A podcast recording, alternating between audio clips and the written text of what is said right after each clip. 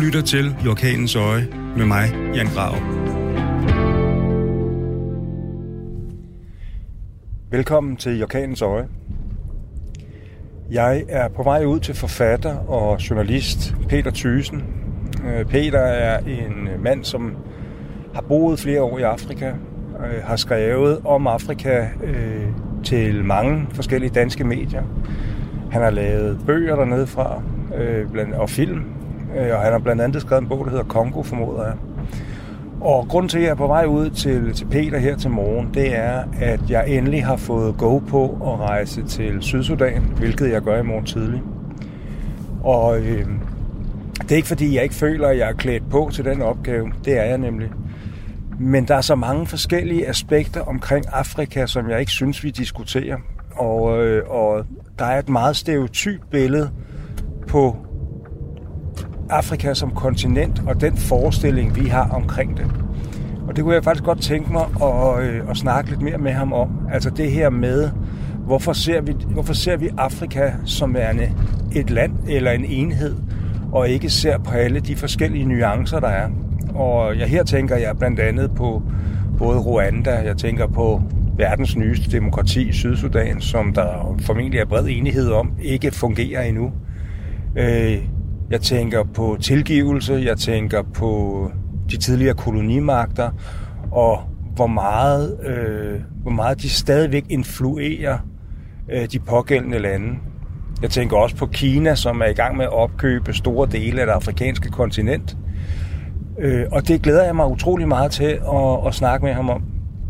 Øh, Peter er et ekstremt reflekteret menneske øh, med en kolossalt stor viden, og jeg glæder mig meget til at prøve at bidrage med en lidt mere nuanceret idé omkring Afrika som kontinent, Afrika og de flygtningeproblemer, der er, øh, og alle de her forskellige aspekter. Øh, så det bliver en time sammen med Peter Thysen. Jeg håber, I lytter med. Du lytter til I Orkanens Øje med mig, Jan Grav. Peter, tusind tak, fordi du har taget dig tid til at snakke med mig her til formiddag. Det var så lidt. Øh, grunden til, at jeg øh, er kommet ud til dig, det er fordi, at øh, jeg har i virkeligheden en, jeg skal virkelig anerkende øh, en fejl, som jeg jo har gjort igennem mange år. Jeg har jo været en af de her fotografer, der har rejst rigtig, rigtig meget på det afrikanske kontinent men også mange gange sendt de samme billeder hjem. Det har været etniske konflikter, det har været hungersnød, det har været øh, folkemord, det har været alle mulige ting. Det har på mange måder, er det jo de samme stereotype billeder, jeg har været med til at sende hjem mange gange. Men jeg har også en oplevelse af, at det, afrika, det afrikanske kontinent er ekstremt meget andet. Altså, der er jo en historik, øh, der er noget omkring øh, kolonitiden, der er noget omkring, hvordan de her lande udvikler sig i dag. Og, øh, og det er jo selvfølgelig svært at gå alle nationerne igennem, øh, og det var egentlig heller ikke ambitionen. Men jeg kunne godt tænke mig at spørge lidt ind til nogle af de ting, øh, som jeg har oplevet bare hen over de seneste år. Altså, øh, jeg tænker blandt andet på dannelsen af Sydsudan som en selvstændig nation og demokrati. Jeg tænker på Rwanda efter folkemordet.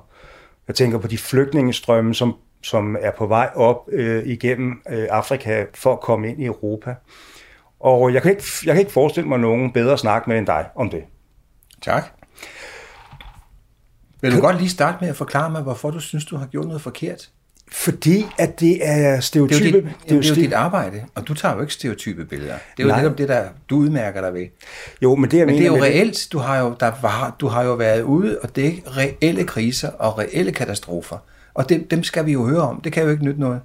Nå, nej, men det er fordi, at, at nogle gange, jeg, jeg tænker for eksempel, man kunne også tage til nogle af de lande, som, hvor at man faktisk har en, en fremtid, hvor, hvor man økonomisk er i, i vækst, og hvor at, at man måske ikke vil, som man ikke vil anerkende eller sammenligne med, med det mørke Afrika, om du vil.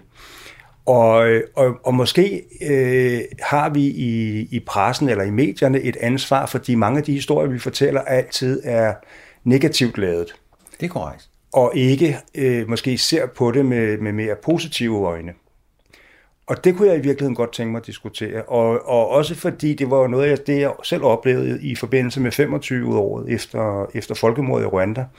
At komme tilbage til Kigali og se en by i vækst på den her måde. Øh, og opleve øh, en moderne hovedstad, som var tryg og sikker at gå rundt i, hvor alting fungerede, hvor... Øh, og, og det ved jeg, det er jo så noget, man kan diskutere, det her med, øh, hvorvidt Paul Kagame er demokrat eller ej. Men i hvert fald et land, som på alle ledere kanter har udviklet sig kolossalt hen over 25 år.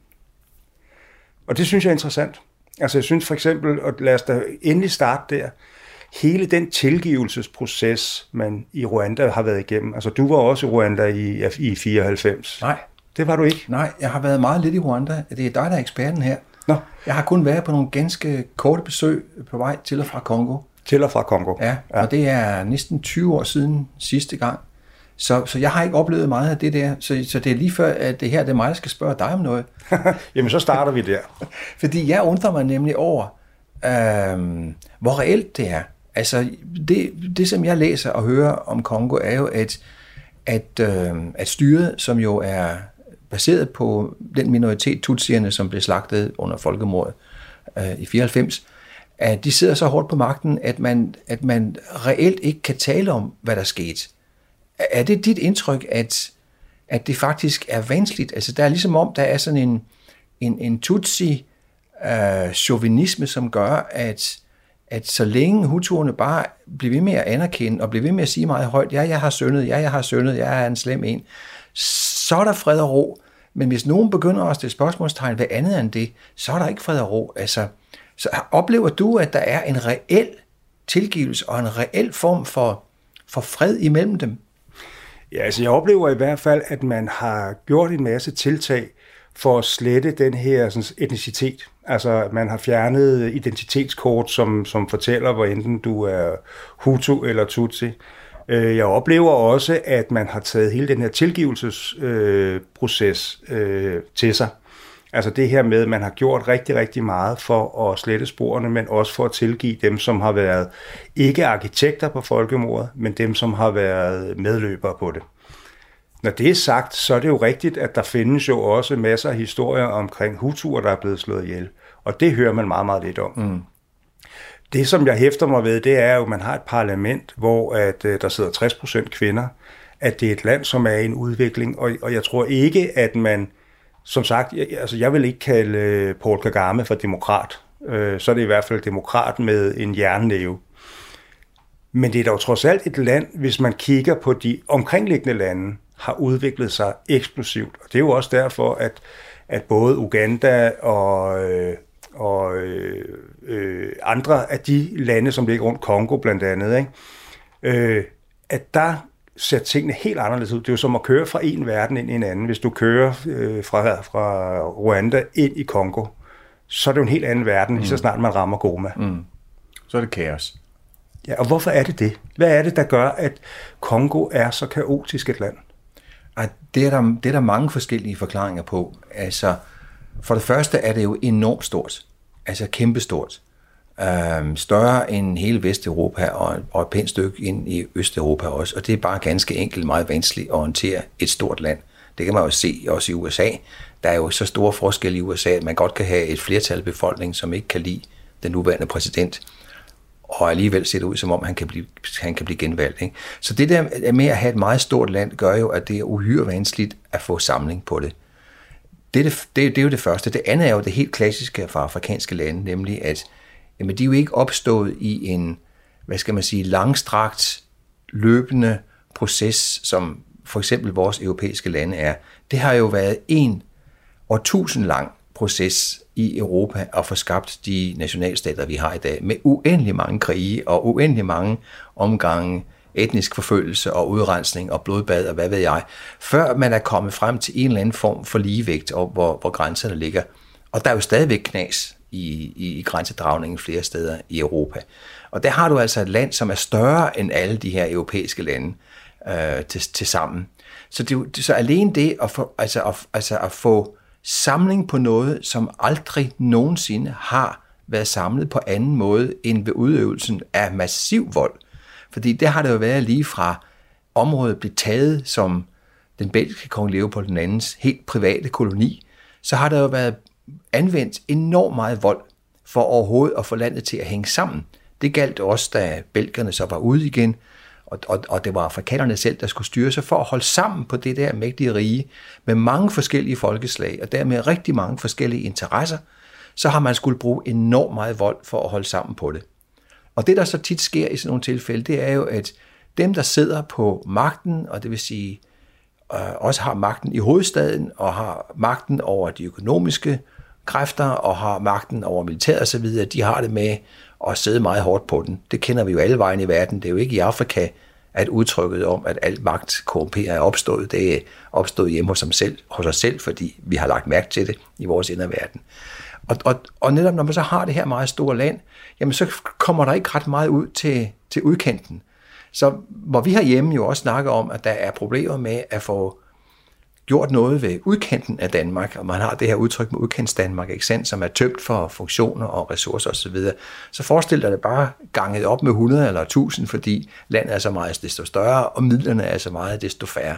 Så ude i yderkanten, der er staten næsten ikke til stede. Der er stort set ikke noget statsligt væsen. Der er ikke meget vejvæsen, der er ikke meget skolevæsen, der er ikke meget hospitalsvæsen osv.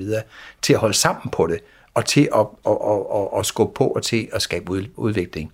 Så der har man altså de her enorme problemer med, at derude føler folk sig konstant forsømt, konstant bagefter, og der er heller ikke meget ordensmagt. Så når der er varøler og banditter, som ser deres snit til at øh, forsøge at rave til sig selv, så er der ikke meget til at stoppe dem.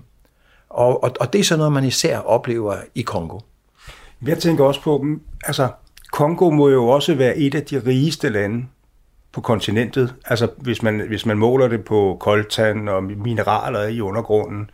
Øh, eller hvis man, hvis man begyndte at reagere landet på en måde og udnyttede mange af de ressourcer, som jo landet reelt har. Men de har jo også været under en, en jernnæve, altså, helt, altså fra Mobutu, som jo ved Gud heller ikke delt ud af rigdommen. Jeg tror, da han døde, var han været verdens anden rigeste mand. Nej, det, det, det er en myte, men pyt nu med det. Jamen, det er jo interessant. Ja, nej, han var overhovedet ikke sporrig, fordi det, som man ofte overser, at, at han var Mobutu, som, var, som herskede over, over, over Kongo, eller som også en periode hed Zaire, var meget, meget korrupt og ragede gevaldigt til sig af, hvad der var. Uh, han var også til tider en darling for forskellige donorer rundt omkring i verden. Øhm, og dem tog han så også godt betalt af. Men det er, hvad man ofte glemmer, er, at det er enormt dyrt at være diktator. Øhm, der skal, altså alle diktatorer er hunderede for at tabe magten, og den, den måde, de kan holde sig ved magten på, det er ved alle mulige greb, altså betale, altså købe fjender, øhm, og, og købe venner, det er enormt dyrt. Øhm, at have øh, og at bremse, altså når man, og de allierede, man så skal have for at holde sig ved magten, de skal have mulighed for at klare sig og klare sig økonomisk, så skal man også undertrykke dem, som kunne være dygtigere forretningsfolk eller dygtigere til at drive minedrift. Så sådan et diktatur er vanvittigt omkostningsfuldt, både for landet og også for diktatoren. Så med Mobutu opstod der sådan en fornemmelse af, at fordi landet havde været noget mere velfungerende, da han trådte til, end da han holdt op, at det var nok, fordi han havde ravet det hele til sig, Uh, men han havde brugt næsten lige så meget. Der var jo stort set ingenting, da man gjorde boet op efter ham.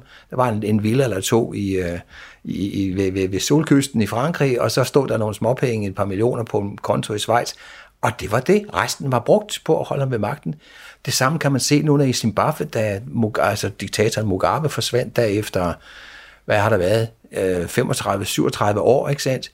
Altså, der er et par villaer og en farm, og, og, og der tror der stod 10 millioner dollar et eller andet sted. Herregud, det er jo ingenting for en nation. Det er hundehammerne dyrt at være diktator. Så øh, ja, så, så, så, så den udplyndring, der foregår der, det er en udplyndring, som, som ikke bliver omsat i vækst.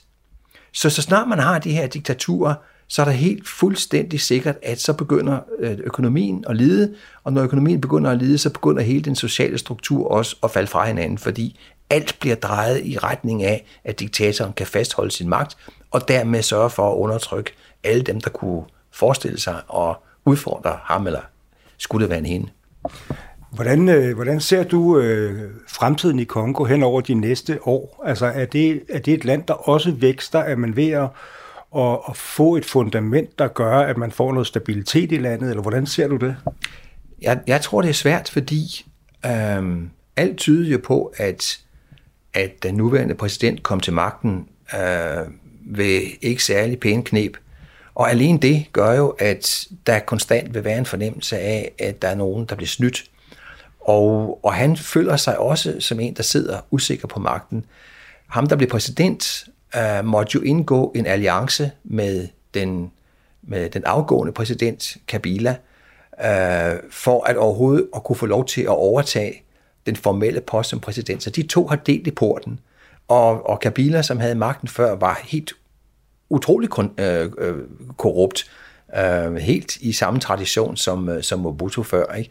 Så, så, så det, der rent faktisk foregår, det er en forlængelse af det styre, som var før. Nu bare under nogle andre, hvad skal man sige, under nogle andre farver med et andet ansigt. Så det er gammel vin på, på nye flasker, så at sige. Og jeg tror, det bliver meget svært for dem at, at få en reel udvikling i det land, fordi det er faktisk ikke det, magthaverne er interesseret i. Og når de magthaverne ikke er interesseret i det, så kommer det heller ikke rigtigt til at ske, når det er et land, som er meget autoritært.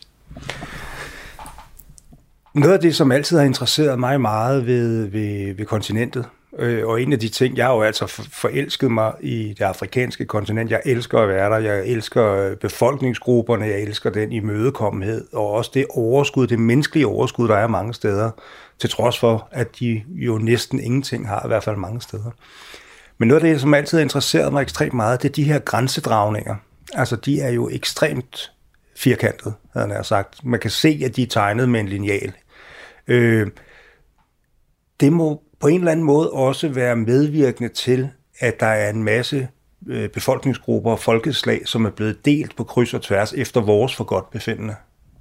Ja, øh, det er der selvfølgelig, fordi øh, som, som, som jeg nævnte før, grænserne i Europa er nogen, der er opstået igennem mange, mange års konflikt og forhandling. Øhm, og dermed har de fundet et leje, som, som selv hvor de skærer befolkningsgrupper over, at så har man lokalt fundet en måde at håndtere det. I Afrika er det lidt anderledes, fordi så det, der ofte sker, ligesom jeg beskrev med Kongo før, med, med statsmagten, der sidder meget langt væk fra folk, så er det sådan, at at man kan nærmest sådan tegne en linje og sige, at statsmagtens indflydelse falder, jo længere du kommer væk fra hovedstaden. Og det vil sige, at jo længere du kommer ud til grænsen, jo mindre statsmagt er der tilbage. Og det vil sige, at i rigtig mange år har det været sådan, at de grænser betød faktisk meget, meget lidt. Nomadegrupper gik frem og tilbage, som det passede dem, øh, og folk handlede frem og tilbage over det, som det passede dem, som de altid har gjort, som om der ikke var nogen grænser. Men i takt med, at øh, ressourcerne bliver mere og mere knappe i Afrika, i takt med, at magthaverne føler sig mere og mere øh, trængte, jo vigtigere har det været for dem at forsøge at bevare kontrollen helt derud. Så det kan man opleve i, i, i især i nogle lande, at der er, har været sådan nogle magtfulde forsøg på at tvinge folk til at respektere de der grænser, og det har givet ret mange konflikter. Det bliver tit sagt, at de der grænser der i Afrika, er årsag til, til konflikt. Men det er faktisk forbløffende lidt. Der er stort set ikke nogen krige, der, der har været udkæmpet imellem de to lande, der er på hver side af grænsen. Der, hvor der opstår problemer, det er som regel med de folkeslag, der er blevet skåret over, og hvor der er en centralmagt, som bestemmer sig for at sige, vi vil simpelthen ikke have, at de går over og snakker med de andre, eller handler med de andre. Øhm, og folk skal jo have noget at leve af, så de bliver sandsynligvis bare ved med at gøre det, og så har man alle de der, så bliver det kaldt for småleri og så videre, ikke? Øhm, men, men generelt er det faktisk sådan, at de der, de der grænser meget ofte er kolossalt porøse, og giver, og giver, fordi folk simpelthen har nogle overlevelsesstrategier, som gør, at, at de gør, hvad der passer dem. Øhm, der kan opstå alle mulige problemer ved de grænser, når, når, når, når systemet i det ene land har subsidier for eksempel, ikke understøttelse af en ting.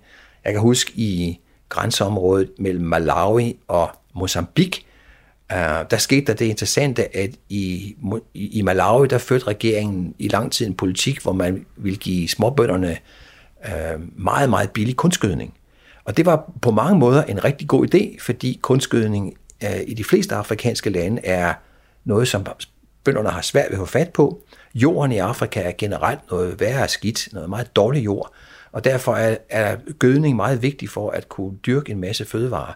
Og det, der selvfølgelig skete i Malawi, øh, Mozambique, det var, at du havde det samme folk på begge sider af grænsen, øh, og grænsen var meget porøs, så man kunne tydeligt se, at øh, de mozambikiske bønder på den anden side af grænsen, de fik også et kolossalt boost øh, i deres øh, fødevareproduktion, fordi de hentede jo bare den der meget, meget billige gødning over i, i Malawi. Og, øh, og til sidst så kunne den malawianske regering se, at det her det holder ikke. Vi kan, vi kan ikke blive ved med at betale for, at det går godt over på den anden side af grænsen. Så, så det indstillede man igen. Så der var sådan et eksempel på, at, at grænsen faktisk, den er der, men den, kom, altså den var ikke stærkere, end at, at de mosambikiske bønder, de forstod fuldt ud at udnytte den. Og selvfølgelig, malawianerne på den anden side, de tjente jo tygt på at købe meget, meget billig kunstgødning og sælge det videre over på den anden side af grænsen. Noget af det, som, som øh, altså jeg har jo sådan et, et mantra i mit arbejde, hver eneste gang jeg er på det her kontinent, og det er, at der er jo en vrede og en indignation hos mig over mange af de her sådan, tidligere øh, kolonimagter. Altså når jeg ser på et land som Frankrig, og ser, hvordan de stadigvæk, altså det er lidt det hvide snit, har man sådan indtrykket af, ikke? Man, man borer ned til skallen, og så, så, så ruder man lidt rundt med en strikkepind. Men Frankrig har jo stærke, stærke interesser i en masse lande, og de støtter jo også militært. Og mange gange er det jo fordi, man gerne vil have nogle oliekoncessioner ud af det. Altså, jeg har tit fornemmelsen af, at mange af de her sådan, tidligere kolonimagter stadigvæk har en kolossal indflydelse og de efter for godt befindende i virkeligheden kan gå ind og ødelægge også udviklingen i landet, også en demokratisk udvikling, hvis ikke det lige passer ind i deres, øh, i, i deres geschæft. Øh, og den der vrede indignation, øh, for mit vedkommende, handler ekstremt meget om, om Frankrig, øh, på grund af folkemordet i Rwanda, hvor man jo altså stod og kiggede på, og man var med til at træne mm. de her militser, øh, og i virkeligheden og importerede millioner af macheter øh, fra Kina. Og til dels også Belgien i forhold til, til Kongo. Øh, og igen også i Rwanda. Altså, de var jo dybt involveret i det her. Og jeg har indtryk af, at det er de stadigvæk. Er det også dit indtryk, at mange af de her sådan, tidligere kolonimagter stadigvæk blander sig, øh, øh, og stadigvæk har, øh, hvad skal man sige, har en del af ansvaret for mange af de her lande? Ja, det, det er mit helt klare indtryk, at, at det er sådan, det er. Og, og det er jo ikke så mærkeligt, fordi kolonitiden var en, en, en, en, en tid, som var så gennemgribende i landenes interne forhold, og især i landenes økonomiske strukturer, at, at da selvstændigheden kom, og landene skulle til at være sig selv, jamen så var det så dybt, hvad skal man sige, indarbejdet i, i øh, imperielandets egen økonomi, og der var så mange interesser i imperielandets øh, erhvervsliv og politiske liv, som, som udspilledes i de tidlige kolonier, at de var vævet tæt sammen. Og, og derfor, er det, derfor har de hængt meget, meget tæt sammen. Og, og der har især i de tidligere franske kolonier øh, og de tidligere belgiske kolonier været igen og igen og igen været tilfælde af, at den tidligere kolonimagt øh, ganske enkelt væltede det lokale styre øh, om kul, når det passede dem. Øh, det er ikke så slemt i dag, som, som, som det var i 60'erne og 70'erne, hvor det virkelig gik voldsomt for sig. Øh, men der er stadig, de har stadigvæk i dag meget stærke interesser, som de forsøger at pleje, fordi der er, ja, der er penge på spil, og der er magt på spil, der er regional indflydelse på spil. Og, og, og der, der, der er to ting, synes jeg, at sige til det. Det ene, det er, at hvis man skal modgå det, og det synes jeg selvfølgelig, man skal, så, skal man, så bliver man nødt til at have noget, som er mere overstatsligt som, som, øh, som har noget at skulle have sagt. Der har vi FN, og, og, og det vi har set igennem de seneste 10-15 år, det er jo, at rigtig mange vestlige lande, også Danmark, har meget ofte handlet imod at styrke FN, men tværtimod at mindske FN's autoritet. Det er en farlig kurs.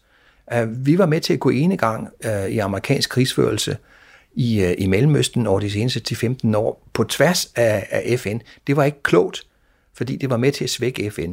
Det andet er, at Kinas synkomst på det afrikanske kontinent har været en kæmpe gave for Kina.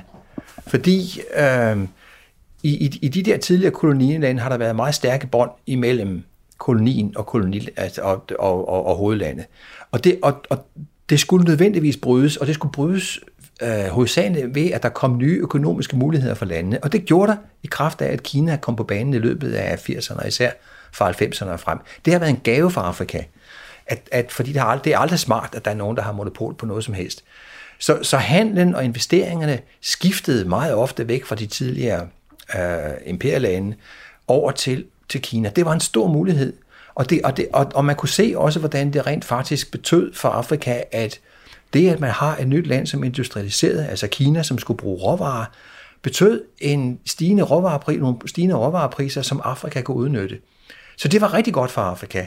Spørgsmålet eller problemet har så været ofte, at at kineserne har en tendens til at øh, ikke at opføre sig specielt demokratisk, og, øh, og afrikanske ledere har ikke været i stand til meget ofte at udnytte den fantastiske mulighed, det var, at der kom en ny spiller på banen til deres landes bedste, men har hovedsageligt gjort det til deres eget eller til magten eliten omkring sig bedste.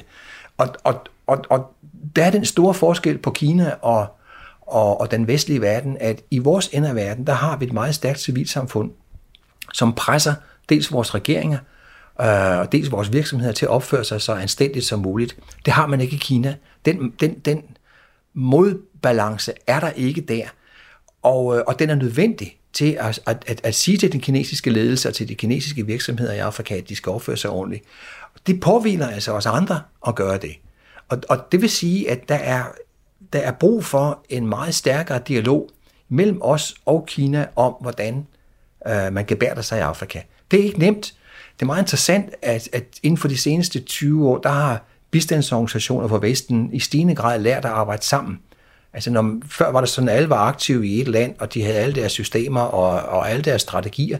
Så har man lært, især blandt de europæiske, at sige, okay, øh, nu er vi alle sammen i gang her i Tanzania eller Rwanda, lad os, lad os da lige lave en samlet strategi sammen med den lokale regering om, hvad vi gør. Der står kineserne altid udenfor. Og det er en det er nødvendigt, at man får et langt stærkere samarbejde øh, med kineserne og en meget stærkere dialog om, hvordan man gør. Og der tror jeg igen, det der med, med FN er, er fuldstændig afgørende for at kunne, kunne flytte sig øh, i den her retning. Altså jeg har, jo, øh, jeg har jo længe haft sådan en fornemmelse af, at man i den vestlige verden og i USA til dels har sovet i timen, fordi det virker jo som om, at Kina er ved at opkøbe øh, meget, meget, meget store dele af Afrika. Altså hvis man kigger i Etiopien for eksempel, hvor man har bygget motorveje øh, ud til kysten, man har, man har været i, man har hjulpet ekstremt meget med infrastruktur i landet. Det er pludselig blevet et moderne land på mange måder, fordi Kina er gået ind og har været super, super proaktiv på alle mulige punkter. Og, og det er jo bare et land ud af mange. Man kan se, at Kina virkelig blander sig. Har vi såret i timen? Nej, det tror jeg ikke, man kan sige. Jeg tror snarere, at kineserne har sovet i timen, fordi det, som karakteriserer det, som kineserne gør, også i Etiopien, som du nævner, det er, at man har gjort fuldstændig, som, som vi gjorde for 30-40 år siden, gået ind og hjælpe med nogle infrastrukturprojekter, øh, altså veje, jernbaner osv., bygget af kinesiske virksomheder for lånte kinesiske penge. Og, og, og det, der er ved at ske i, i mange af de her afrikanske lande, det er jo, at kineserne er ved at gældsætte de her lande. Og landene er ved at, er, er, mange af dem er ved at komme ud i en, en gæld, som, de, som ikke er bæredygtig. Og, øh, og, og, og det var det samme, der skete øh, i, med, med Vesten og Afrika, øh, hvor man til sidst fra, fra begge sider måtte indse, at det her, det, det går ikke. Øh, vi kan, altså afrikanerne kan ikke betale den gæld. Øh, ofte er det noget, noget klamp, der er blevet leveret fra de kinesiske selskabers side, men gælden står der jo stadigvæk og, og skal inddrives. Og, øh, og, og sidste år kom det jo frem, hvor meget kineserne, eller, eller i slutningen af, af 2018, hvor, hvor, hvor, hvor, hvor dyb lande som, øh, dyb lande som, øh, som især Zambia, øh, men også øh, Etiopien, var havnet i kinesisk gæld. Og, øh, og kineserne er rigtig skrappe til at, øh, at, at ville have øh, Øh, betalinger. De, de, gør noget, som, som europæerne aldrig gjorde, nemlig de øh, forlanger store anlæg i landene som, øh, som sikkerhed. Men, men, det, men det kan man jo ikke på længere sigt. Der opstår jo en, en voldsom øh, vrede og, og, øh, og, og modstand i landene mod kineserne, fordi de bliver, de bliver jo i kraft af det jo i stigende grad blive set som nogle nye koloniherrer. Så på et eller andet tidspunkt kunne jeg forestille mig, bliver kineserne nødt til at indse, at de er nødt til at give gældslettelse, og de er nødt til at drive udviklingsbistand på en anden måde end, end den måde, som, øh, som de har gjort, som dybest set på mange måder har været en total kopiering af den fejlagtige strategi, som, som Vestlandene havde. Så nej, jeg synes ikke, man sov i timen i, i, i den henseende.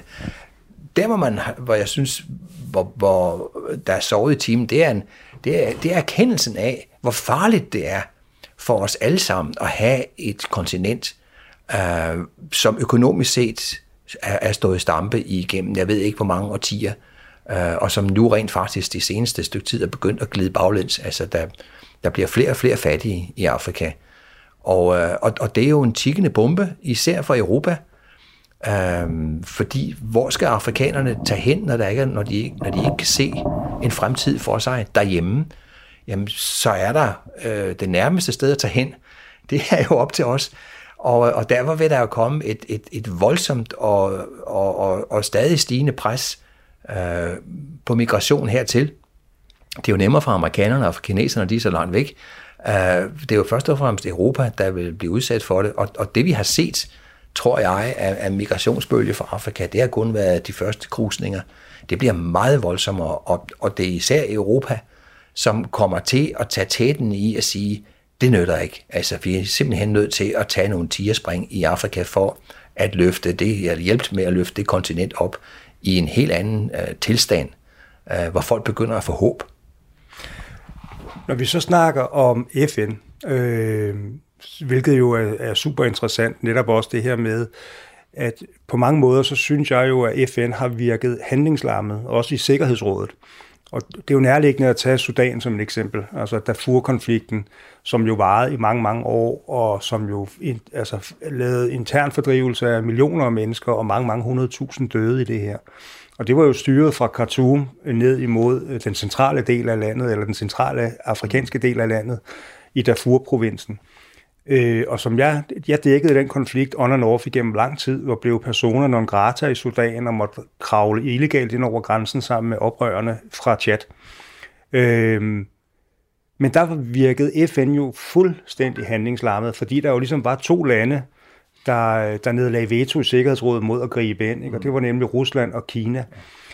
Hvad fanden gør man så, Altså hvis, hvis, hvis vi har et FN, der er så handlingslarmet, og som, som jo ikke har de muskler, som, som det måske burde have, hvad gør man så? Ja, det, det, er jo, det er jo det helt store spørgsmål, som, som vi bliver stillet over for hele tiden. Vi så jo, har jo også set det med Syrien, at, at der formåede FN jo heller ikke at gøre noget.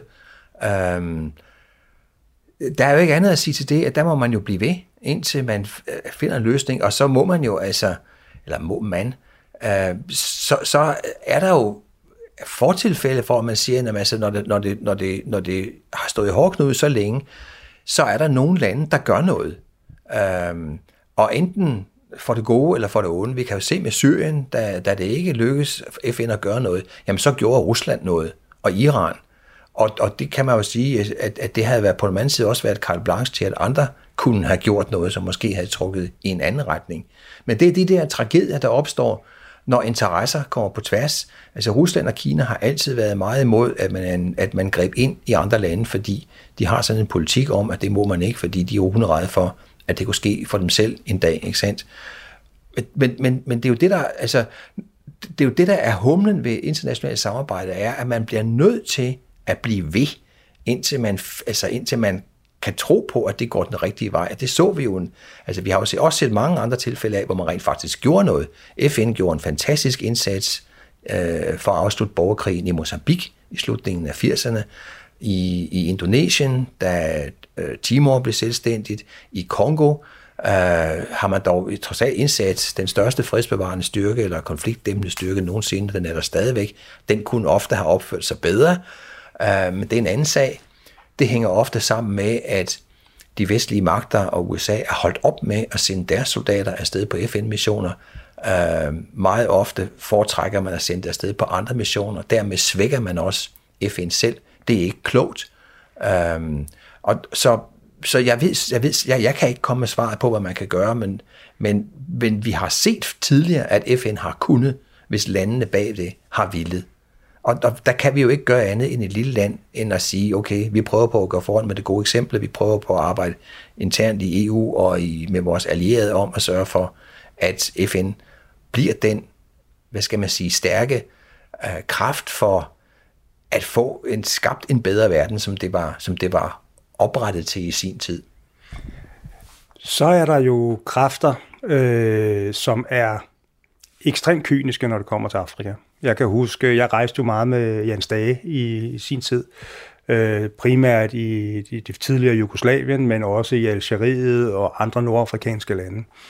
Øh, og man kunne godt kaste sig ud, eller kaste sig ud i en diskussion med Stage omkring øh, det afrikanske kontinent. Og han havde sådan en, en tese om, at man skulle bare bygge en stor mur rundt om det og lade dem sejle deres egen sø i 100 år og få dem, lade dem få udkæmpet, hvad det nu måtte være af interne konflikter, og hvad det så ellers måtte medbringe af død og ødelæggelse. Øh, og det er et, et synspunkt, jeg, jeg synes, jeg, jeg støder på oftere og oftere igen. Altså det her med, at de skal bare have lov til at udkæmpe det, som, som vi andre har, har, har været mindst lige så lang tid igennem. Hvad tænker du om den, den, det synspunkt? Ja, ja, hvad sagde du til ham? Jamen jeg sagde, det, det kan man jo for fanden ikke. Altså det er jo det, er jo det mest øh, inhumane overhovedet, netop fordi vi jo også har et kolossalt ansvar, fordi vi jo selv har været med til at udnytte det her kontinent, altså øh, på kryds og tværs igennem mange år. Derfor har vi jo også et medansvar. Ja, altså, og, det, og det er vel svaret, ikke sandt? Jeg, jeg tror, at når man møder den der kynisme, så har den, og jeg tror, du har ret i, at der er mere og mere af den. Jeg synes i hvert fald i Danmark har man kunne mærke mere og mere af den. Så tror jeg, at den, den, har, den, har, den har to årsager. Det ene er en, en fornemmelse af magtesløshed. Altså det, det er en fornemmelse, blandt, som, som, som breder sig. Og vi kan gribe tilbage til den der udviklingsoptimisme i, i 70'erne, øhm, hvor, hvor jeg synes, at danske politikere og, og, og udviklingsfolk har været for dårlige til, og stadigvæk er for dårlige til at sige, det her med, at, ud, at, at, at Afrika kan udvikle sig, øhm, det kommer til at tage lang tid. Det bliver svært. Vi kommer til at begå fejltagelser. Vi kommer til at spille penge. Jeg kan huske, at jeg engang spurgte tidligere udviklingsminister øh, Nelson om, øh, om det der med spild af penge i udviklingsbistand, fordi det er noget, man tit snakker om. Ikke? Så, jamen, så siger han, jamen selvfølgelig spiller vi penge, ellers havde der jo ikke været brug for dem. Hvor meget var du parat, er du parat til at spille, sagde jeg, spurgte jeg ham så. Jamen altså, op til 100 procent. Altså, hvem, hvem kan sige, at det, man laver, for eksempel er med til at gøre kvinder mere selvstændige og, og, og frigjorte? Det kunne man da aldrig vide. Vi skal være parat til at, at give, og vi skal være parat til at forstå, at netop fordi, at der, der skal være at det er eksperimenter, og netop fordi man ikke ved, hvordan man skal gøre, jamen, så vil der være noget, der går til spil. Det der med 100%, det mente han selvfølgelig polemisk, ikke? Selvfølgelig skal vi ikke gøre det. Så jeg tror blandt i vores indre verden er der en fornemmelse af magtesløshed. For, og den kommer blandt andet af, at man aldrig har fået at vide, at det her kommer til at tage rigtig lang tid, og, og noget vil gå galt undervejs. I det øjeblik, man ved det, så kan man være mere rolig og sige, nej, okay, ja. Det, det, det andet er øh, selvfølgelig en, en det, han, jeg tror, det, det, magtesløsheden kommer også af, at vi ved for lidt om det når, når du selv siger, sådan, når vi, da vi begynder her med, at, at, at du har først og fremmest øh, som, som fotograf været med til at, at beskrive nogle grimme sider af Afrika, øh, så tror jeg, at vi har et enormt stort problem i vores ende af verden ved, at vi har så dårlig øh, og så lidt pressedækning af, af hverdagen, af politikken, af det sociale, af, af, af, af det, der er i Afrika. Og, og jeg har længe slået til lyd for, at, at vi kommer aldrig til at få et fornuftigt forhold til det kontinent, før vi har nogle danske korrespondenter, som bor der, og som rapporterer jævnligt, ligesom vi hører om livet i USA, og vi hører om livet i Frankrig, og vi hører om livet i Tyskland, øh, fra vores korrespondenter, som, som beskriver det. Det tror jeg er fuldstændig afgørende. Fordi så længe vi kun hører om undtagelser, så har vi ikke nogen muligheder for at forstå, hvordan de lande fungerer. Og vi skal have en fornemmelse af, hvordan de fungerer, før vi kan begynde at forestille os, hvordan de kunne fungere anderledes. Og, og det tror jeg er helt, helt afgørende. Uh, også for at komme den der kynisme til, til, til, til livs. Lige i øjeblikket er det sådan en, en ond cirkel. Jo mindre man ved, jo mindre man kan, kan man forestille sig, at det kan blive anderledes. I samme øjeblik, man ved noget mere, kan man godt forestille sig, at det kan blive anderledes. Men det er jo den her type faldskærmsjournalistik, som, som jeg jo desværre har været, har været en del af gennem mange år. Nu har jeg dog trods alt rejst meget og, og mange altså gentagende gange tilbage til de samme steder. Fordi verden er jo ikke sort og hvid, den er jo fyldt med gråtoner, og jo længere du dykker ned i de her historier, jo flere øh, lag får du også med på det. Du får en, en viden og en indsigt i, i mange andre ting i det. Men det er jo den type faldskærmsjournalistik, som, som verden jo efterhånden er blevet kendt for. Øh, og jeg kan da for eksempel se, at der er en stor kunstscene i Afrika, jeg godt kunne tænke mig at, at, dyrke meget, meget mere, end, end det jeg gør. Nu øh, er situationen jo den, jeg rejser til Juba i morgen. Jeg skal være der i de små tre uger. Øh, verdens nyeste demokrati, som der, hvis der er bred enighed om, øh, ingenlunde er fungerende. Øh, og vi, det skortede jo ellers ikke på, på vestlige ledere, der rejste til, til Juba og stod og klappede, da vi implementerede det her nye demokrati. Og nu ligger det i ruiner. Det er et af de lande, der har allerflest børnesoldater. Øh, hvad tænker du om det? Altså Sydsudan er... Altså der skal jo mere til en klapsalver, øh, når, når sådan et nyt land opstår, ikke sandt? Og det opstod jo ud af, jeg ved ikke hvor mange års krig. Øh, der havde jo nærmest været krig i 50 år i det område. Og det, der kommer, altså det, det ved vi fra verdenshistorien. Det er meget, meget, meget sjældent, at man har en situation, hvor man har så mange års krig, og når den så slutter så med et fingerknips, så bliver alt godt. Det gør det jo ikke. Der er alle mulige sår, der er alle mulige traumer, der er alle mulige forvredende interesser, der er opstået i løbet af sådan en krig. Der er når man har krig så lang tid, er der folk, der lever af det. Og, og, når, og når så freden kommer, så står de der og har ikke noget at leve af. Det vil sige, de har alle mulige interesser i, at der igen er krig, fordi så har de noget at leve af. Der er unge mennesker, som er helt forvrænget i hovedet, fordi de aldrig har oplevet andet end en, en konflikt og, og, og alt sådan noget. Og, og så må man jo sige om, om Sudan, både Sudan og Sydsudan, er nok et af de mest mishandlede områder på hele det afrikanske kontinent. Det har jo været et område, hvor slavejægerne har, har, har plyndret og havet og, øh, og, og, og, og stjålet folk i århundreder, og tusinder måske lige frem. Ikke? Og, og, og det er et af de mest altså fucked up områder på kontinentet, øh, der overhovedet er, øh, hvor, hvor uden forstående magthaver konstant har forstået at sætte lokale grupper op mod hinanden, øh, helt tilbage fra den gang, hvor man skulle have slaver øh, ud af det. Så det er et sted, som er kolossalt vanskeligt overhovedet at få, få fred i. Og, og øh, så derfor skulle der meget mere til en klapsalver. Og der er sikkert også begået mange fejltagelser øh, fra vestlige donorers side i begyndelsen, fordi man har i sin iver efter at få det her til at fungere, så har man været villig til at overse øh, konflikter og, og mangler, som man ikke havde lyst til at se. Øh, jeg, jeg, altså, man tænker på for eksempel, vi snakkede kort om det. Hvad, hvad tænker du selv? Fordi du har, du har, du har været meget i Sydsudan. Ikke? Altså, hvad, hvad, hvad, hvad, hvad, hvad tænker du selv, når du har været der og, og, og, og rejse hjem igen? Hvad, hvad, hvad tænker du af, at man, at man eller vi i vores ende af verden kunne gøre? Så det er klart, Sydsudaneserne er nødt til at gøre en stor indsats selv for at få fred. Vi kan jo ikke skabe fred. Men, men hvad tænker du, når du så tager hjem om, at hvad, og du tager hjem og fortæller folk herhjemme om, om hvordan der er? Hvad, hvad tænker du så, at der kunne gøres fra, fra vores side? Jamen, jeg tænker for det første, at man... Øh at det har været en det har været en meget meget kortsigtet løsning at prøve at implementere demokrati i et land som måske ikke var klar til det. Altså, men hvad var alternativet?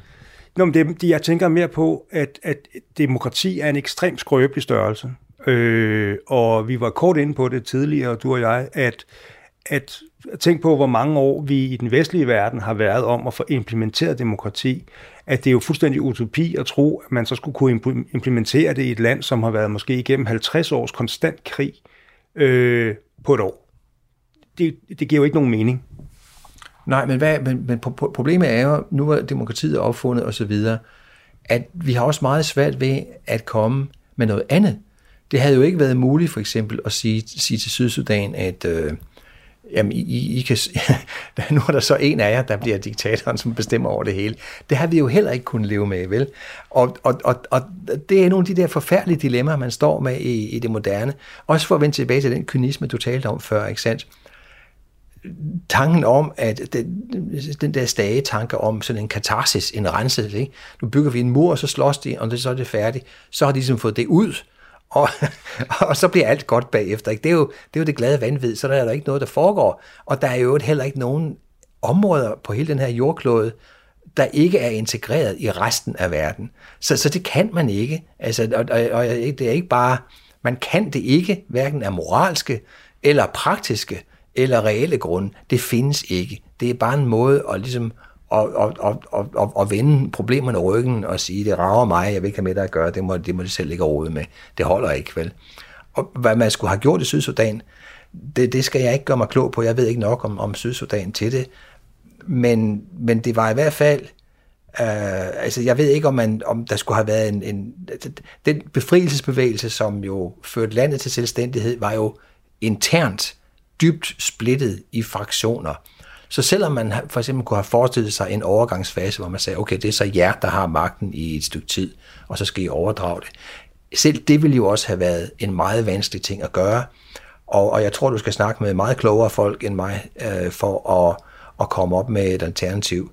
Jeg tror, det har været en, en, en forfærdelig hovedpine hos, øh, hos rigtig mange diplomater og udviklingsfolk og venner af Sydsudan og selvfølgelig folk i, Syd, i Sydsudan selv og finde ud af, hvad kunne man dog have gjort.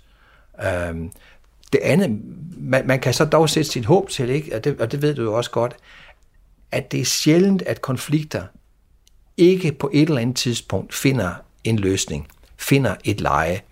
Og, og, og, og den skal jo komme indenfra. Øhm, når konflikten, den borgerkrigen i Kongo, fandt et leje på et tidspunkt, så var det jo fordi, man internt i Kongo blev enige om det, og så står verdens samfundet parat og siger, okay, skal vi nok hjælpe jer med at gennemføre det her. Og det man så fra vores side kan gøre i den mellemtid, det er jo at sørge for, at folk ikke sulter, at folk kommer i skole, øhm, at der er, at der er, er sundhedsfaciliteter osv., ikke sådan at betingelserne for, at den her fred kan opstå, og en aftale kan opstå imellem de dominerende grupper i landet, øh, at, at de har bedst mulige vækstbetingelser. Det, er, det må jo være vores opgave som den rige del af verden, og den del af verden, der, der jo kalder sig kristen, og dermed skal yde næste kærlighed, at sige, at det, det, det gør vi så. Det lever vi op til. Og vi sørger så for at være dem, der er fødselshjælpere, øhm, og i hvert fald ikke trækker tæppet væk, når der begynder at komme noget, der ligner en, en, en, en lokal forståelse for, hvordan man skal komme videre. Så er der jo en anden ting, som er ekstremt vigtig og super interessant. Jeg, jeg læste i, i en FN-rapport, at man havde lavet et estimat, der hed, at i 2050 vil der være mere end 50 millioner klimarelaterede flygtninge ud af det afrikanske kontinent. Ikke krigsrelateret, kun klimarelateret. Og når man snakker om migration, og vi snakker om, hvor det er, de her mennesker rejser hen, så er vi jo godt klar over, at det er Europa, det, det handler om. Den strøm af mennesker er jo altså for det første så kommer de jo aldrig nogensinde ind i det her Fort Europa. Altså vi er godt i gang med at lukke de her, de her grænser ned på alle lederkanter, og der findes jo folk, der argumenterer for, at man bare skal lade dem drukne i Middelhavet. Fordi på den måde, så lærer de, at, øh, at de bliver ikke samlet op af kystvagtskibe på den anden side, og så fremdeles. Der skal jo laves en eller anden form for bæredygtig løsning, øh, om det så er i det nordlige Afrika, eller hvor fanden det nu er henne. Hvad tænker du om det? Altså, der, der, jeg vil gå tilbage til det, jeg sagde tidligere om, om i virkeligheden er, er, er klimaet, klimakrisen jo først og fremmest en forstærker. Den forstærker alle de andre kriser, der er. Den forstærker ulighedsproblemer, den, den forstærker fattigdomsproblemet, den forstærker det problem, der er med, at landbruget er ineffektivt i Afrika og kunne blive meget bedre den forstærker den krise, der er med, at folk søger ind til byerne i enorme tal, sådan at man har nogle slumområder, der vokser. Alle de ting bliver forstærket af, af klimakrisen. Så skal man gøre noget ved det, så er det jo ude i de områder, hvor de der enkelte kriser, eller de hænger selvfølgelig også sammen, det er derude, man kan gøre noget. Og, og jeg kan ikke se andet end, at den, den eneste måde, vi fra vores ende af verden kan gøre noget, det er ved at få en meget, meget grundig øh, og langvarig øh, dialog, snak med, med, med alle mulige grupper i Afrika om, hvordan kan vi hjælpe jer med at løse det her. Og vi skal selvfølgelig også, altså vi, vi, det, det må gerne for min skyld være måder, hvor, som vi selv, selv tjener penge på. Helt fint med mig, altså hvis danske vindmøllefirmaer kan tjene penge på at være med til at sætte vindmøller op i Afrika, jamen, jamen så er vi da dumme, hvis ikke vi gør det. Men, men de skal jo så, de skal op, så man kan komme væk fra, øh, fra at, at brænde mere olie og, og, og kul af, for at, at få skaffet den strøm, som, som man har brug for også i Afrika, ikke sandt? Men det må jo være den vej rundt, man skal. Man skal have den her meget stærke dialog i gang. Og, man, og den, er, den er kanon vigtig, fordi der er en stor mistillid til, til de regimer, der er i Afrika, i vores inderverden. Ofte med god grund. Og derfor er man nødt til at få sat en, nogle meget omfattende diskussioner i gang med forskellige grupper i Afrika om, jamen, hvordan kan vi så gøre, hvordan kan vi kanalisere nødvendige midler til Afrika, sådan at det bliver brugt bedst muligt. Det kan lade sig gøre, det har vi jo set mange steder. Det er ikke det. Men, men, men, men det, det er den eneste løsning øh, på at, at få stoppet det der, og, og få og for, for hjulpet, så, så det ikke bliver en, en skyttegravskrig med alt for mange, der dør af det. Vi skal til at stoppe. Jeg kunne jo snakke med dig i timevis. Øh, hvis man skal slutte på sådan en high note, hvad er det så, der i virkeligheden kører eller spiller for det afrikanske kontinent lige nu? Hvad er det for en udvikling, hvor man kan sige, at her der er fandme noget positivt? Kære Jan, jeg bliver nødt til at sige, at jeg har faktisk tit svært ved at se det. Men jeg tror, at jeg skal tage tilbage, jeg skal gribe tilbage til noget af det, du sagde lige i begyndelsen, som jeg har siddet spekuleret på lige siden, nemlig, at du siger, at du rigtig godt kan lide at være i Afrika. Fordi du møder en stor, øh, hvad hedder det, øh, venlighed og varme og glæde. Og det tror jeg faktisk er noget af det stærkeste, øh, der er på det kontinent. Jeg har det på samme måde. Jeg kan godt lide at være der. Jeg synes, det er et dejligt sted at være, også fordi jeg møder rigtig, rigtig mange øh, venlige mennesker. Og, og, og, og, og det er, altså, der er et håb i det. Øhm, der er masser af håb i det. Der er masser af håb i, i, i, i musikken og i kunsten og i den måde, folk er sammen på, som kan blive til meget mere. Øhm, og så er der jo ved at være, tror jeg, en erkendelse af, altså, at verden hænger sammen. I, i, I Danmark har vi været igennem en fase nu på en 15-20 år, hvor vi har været meget lukket om os selv, har været meget koncentreret om at diskutere, hvad er det danske, og hvem er, hvem er egentlig en ægte dansker og alt sådan noget. Ikke? Og det er jo gået fuldstændig øh, galt Mathias med den indadlukkede diskussion om det. Klimakrisen har gjort, at folk pludselig har altså kommet ud af den boble og har set, at verden hænger sammen, og at den hænger sådan sammen, at vi alle sammen har et ansvar for hinanden. Og, og, og, og jeg tror, at klimakrisen kan gå hen og kan gå hen og blive den nøgle til, at man også i den her ende af verden forstår, at det kan ikke nytte noget at blive ved med at være så egoistisk, som vi har været igennem mange generationer. At, at, vi, at, at vores egen interesse er også at hjælpe til, at andre fattige steder kommer på fod, fordi større er kloden ikke, end at vi hænger meget tæt sammen på den måde. Så der er en optimisme nogle steder i Afrika, og en glæde, og en, øh, og en masse selvfølgelig lokale forsøg på at komme ud af de her problemer. Og vi har så den store opgave at, øh, at sørge for, at vi ikke går i vejen for dem, at vi ikke gør forholdene vanskeligere for dem, end det kunne være, og ultimativt også hjælpe dem på de måder, som man nogle gange kan. Tusind tak, fordi du tog dig tid. Nu vil jeg så hjem og pakke en taske, så, så kan det være, at vi høres ved næste uge ned fra Juba. Rigtig god tur. Tak skal God fornøjelse. Du lytter til I Orkanens Øje med mig, Jan Grav. Jeg er kommet hjem efter en helt fantastisk dag sammen med Peter Thysen. Jeg holder rigtig, rigtig meget af at høre øh, hans ord omkring det afrikanske kontinent. Øh, tanker omkring, hvor at kontinentet er på vej hen. Tanker omkring, hvad det er, der er gået galt, men også hvad det er, der i virkeligheden måske er fremtiden for det afrikanske kontinent. Jeg er også kommet hjem for at pakke. Jeg er i gang med at pakke til 18 dage i Sydsudan, som jeg rejser ned til i morgen. Og det betyder også, at næste uges program for øh, Orkanens Øje bliver sendt fra Juba i Sydsudan, hovedstaden. Mange, mange tak til Peter Thysen for at deltage i dagens program. I redaktionen i den her uge er Tom Trambo og Lene Jul. Øh, programmets producer er Kasper Risgaard. Mit navn er Jan Grav. Vi lyttes med i næste uge fra Sydsudan.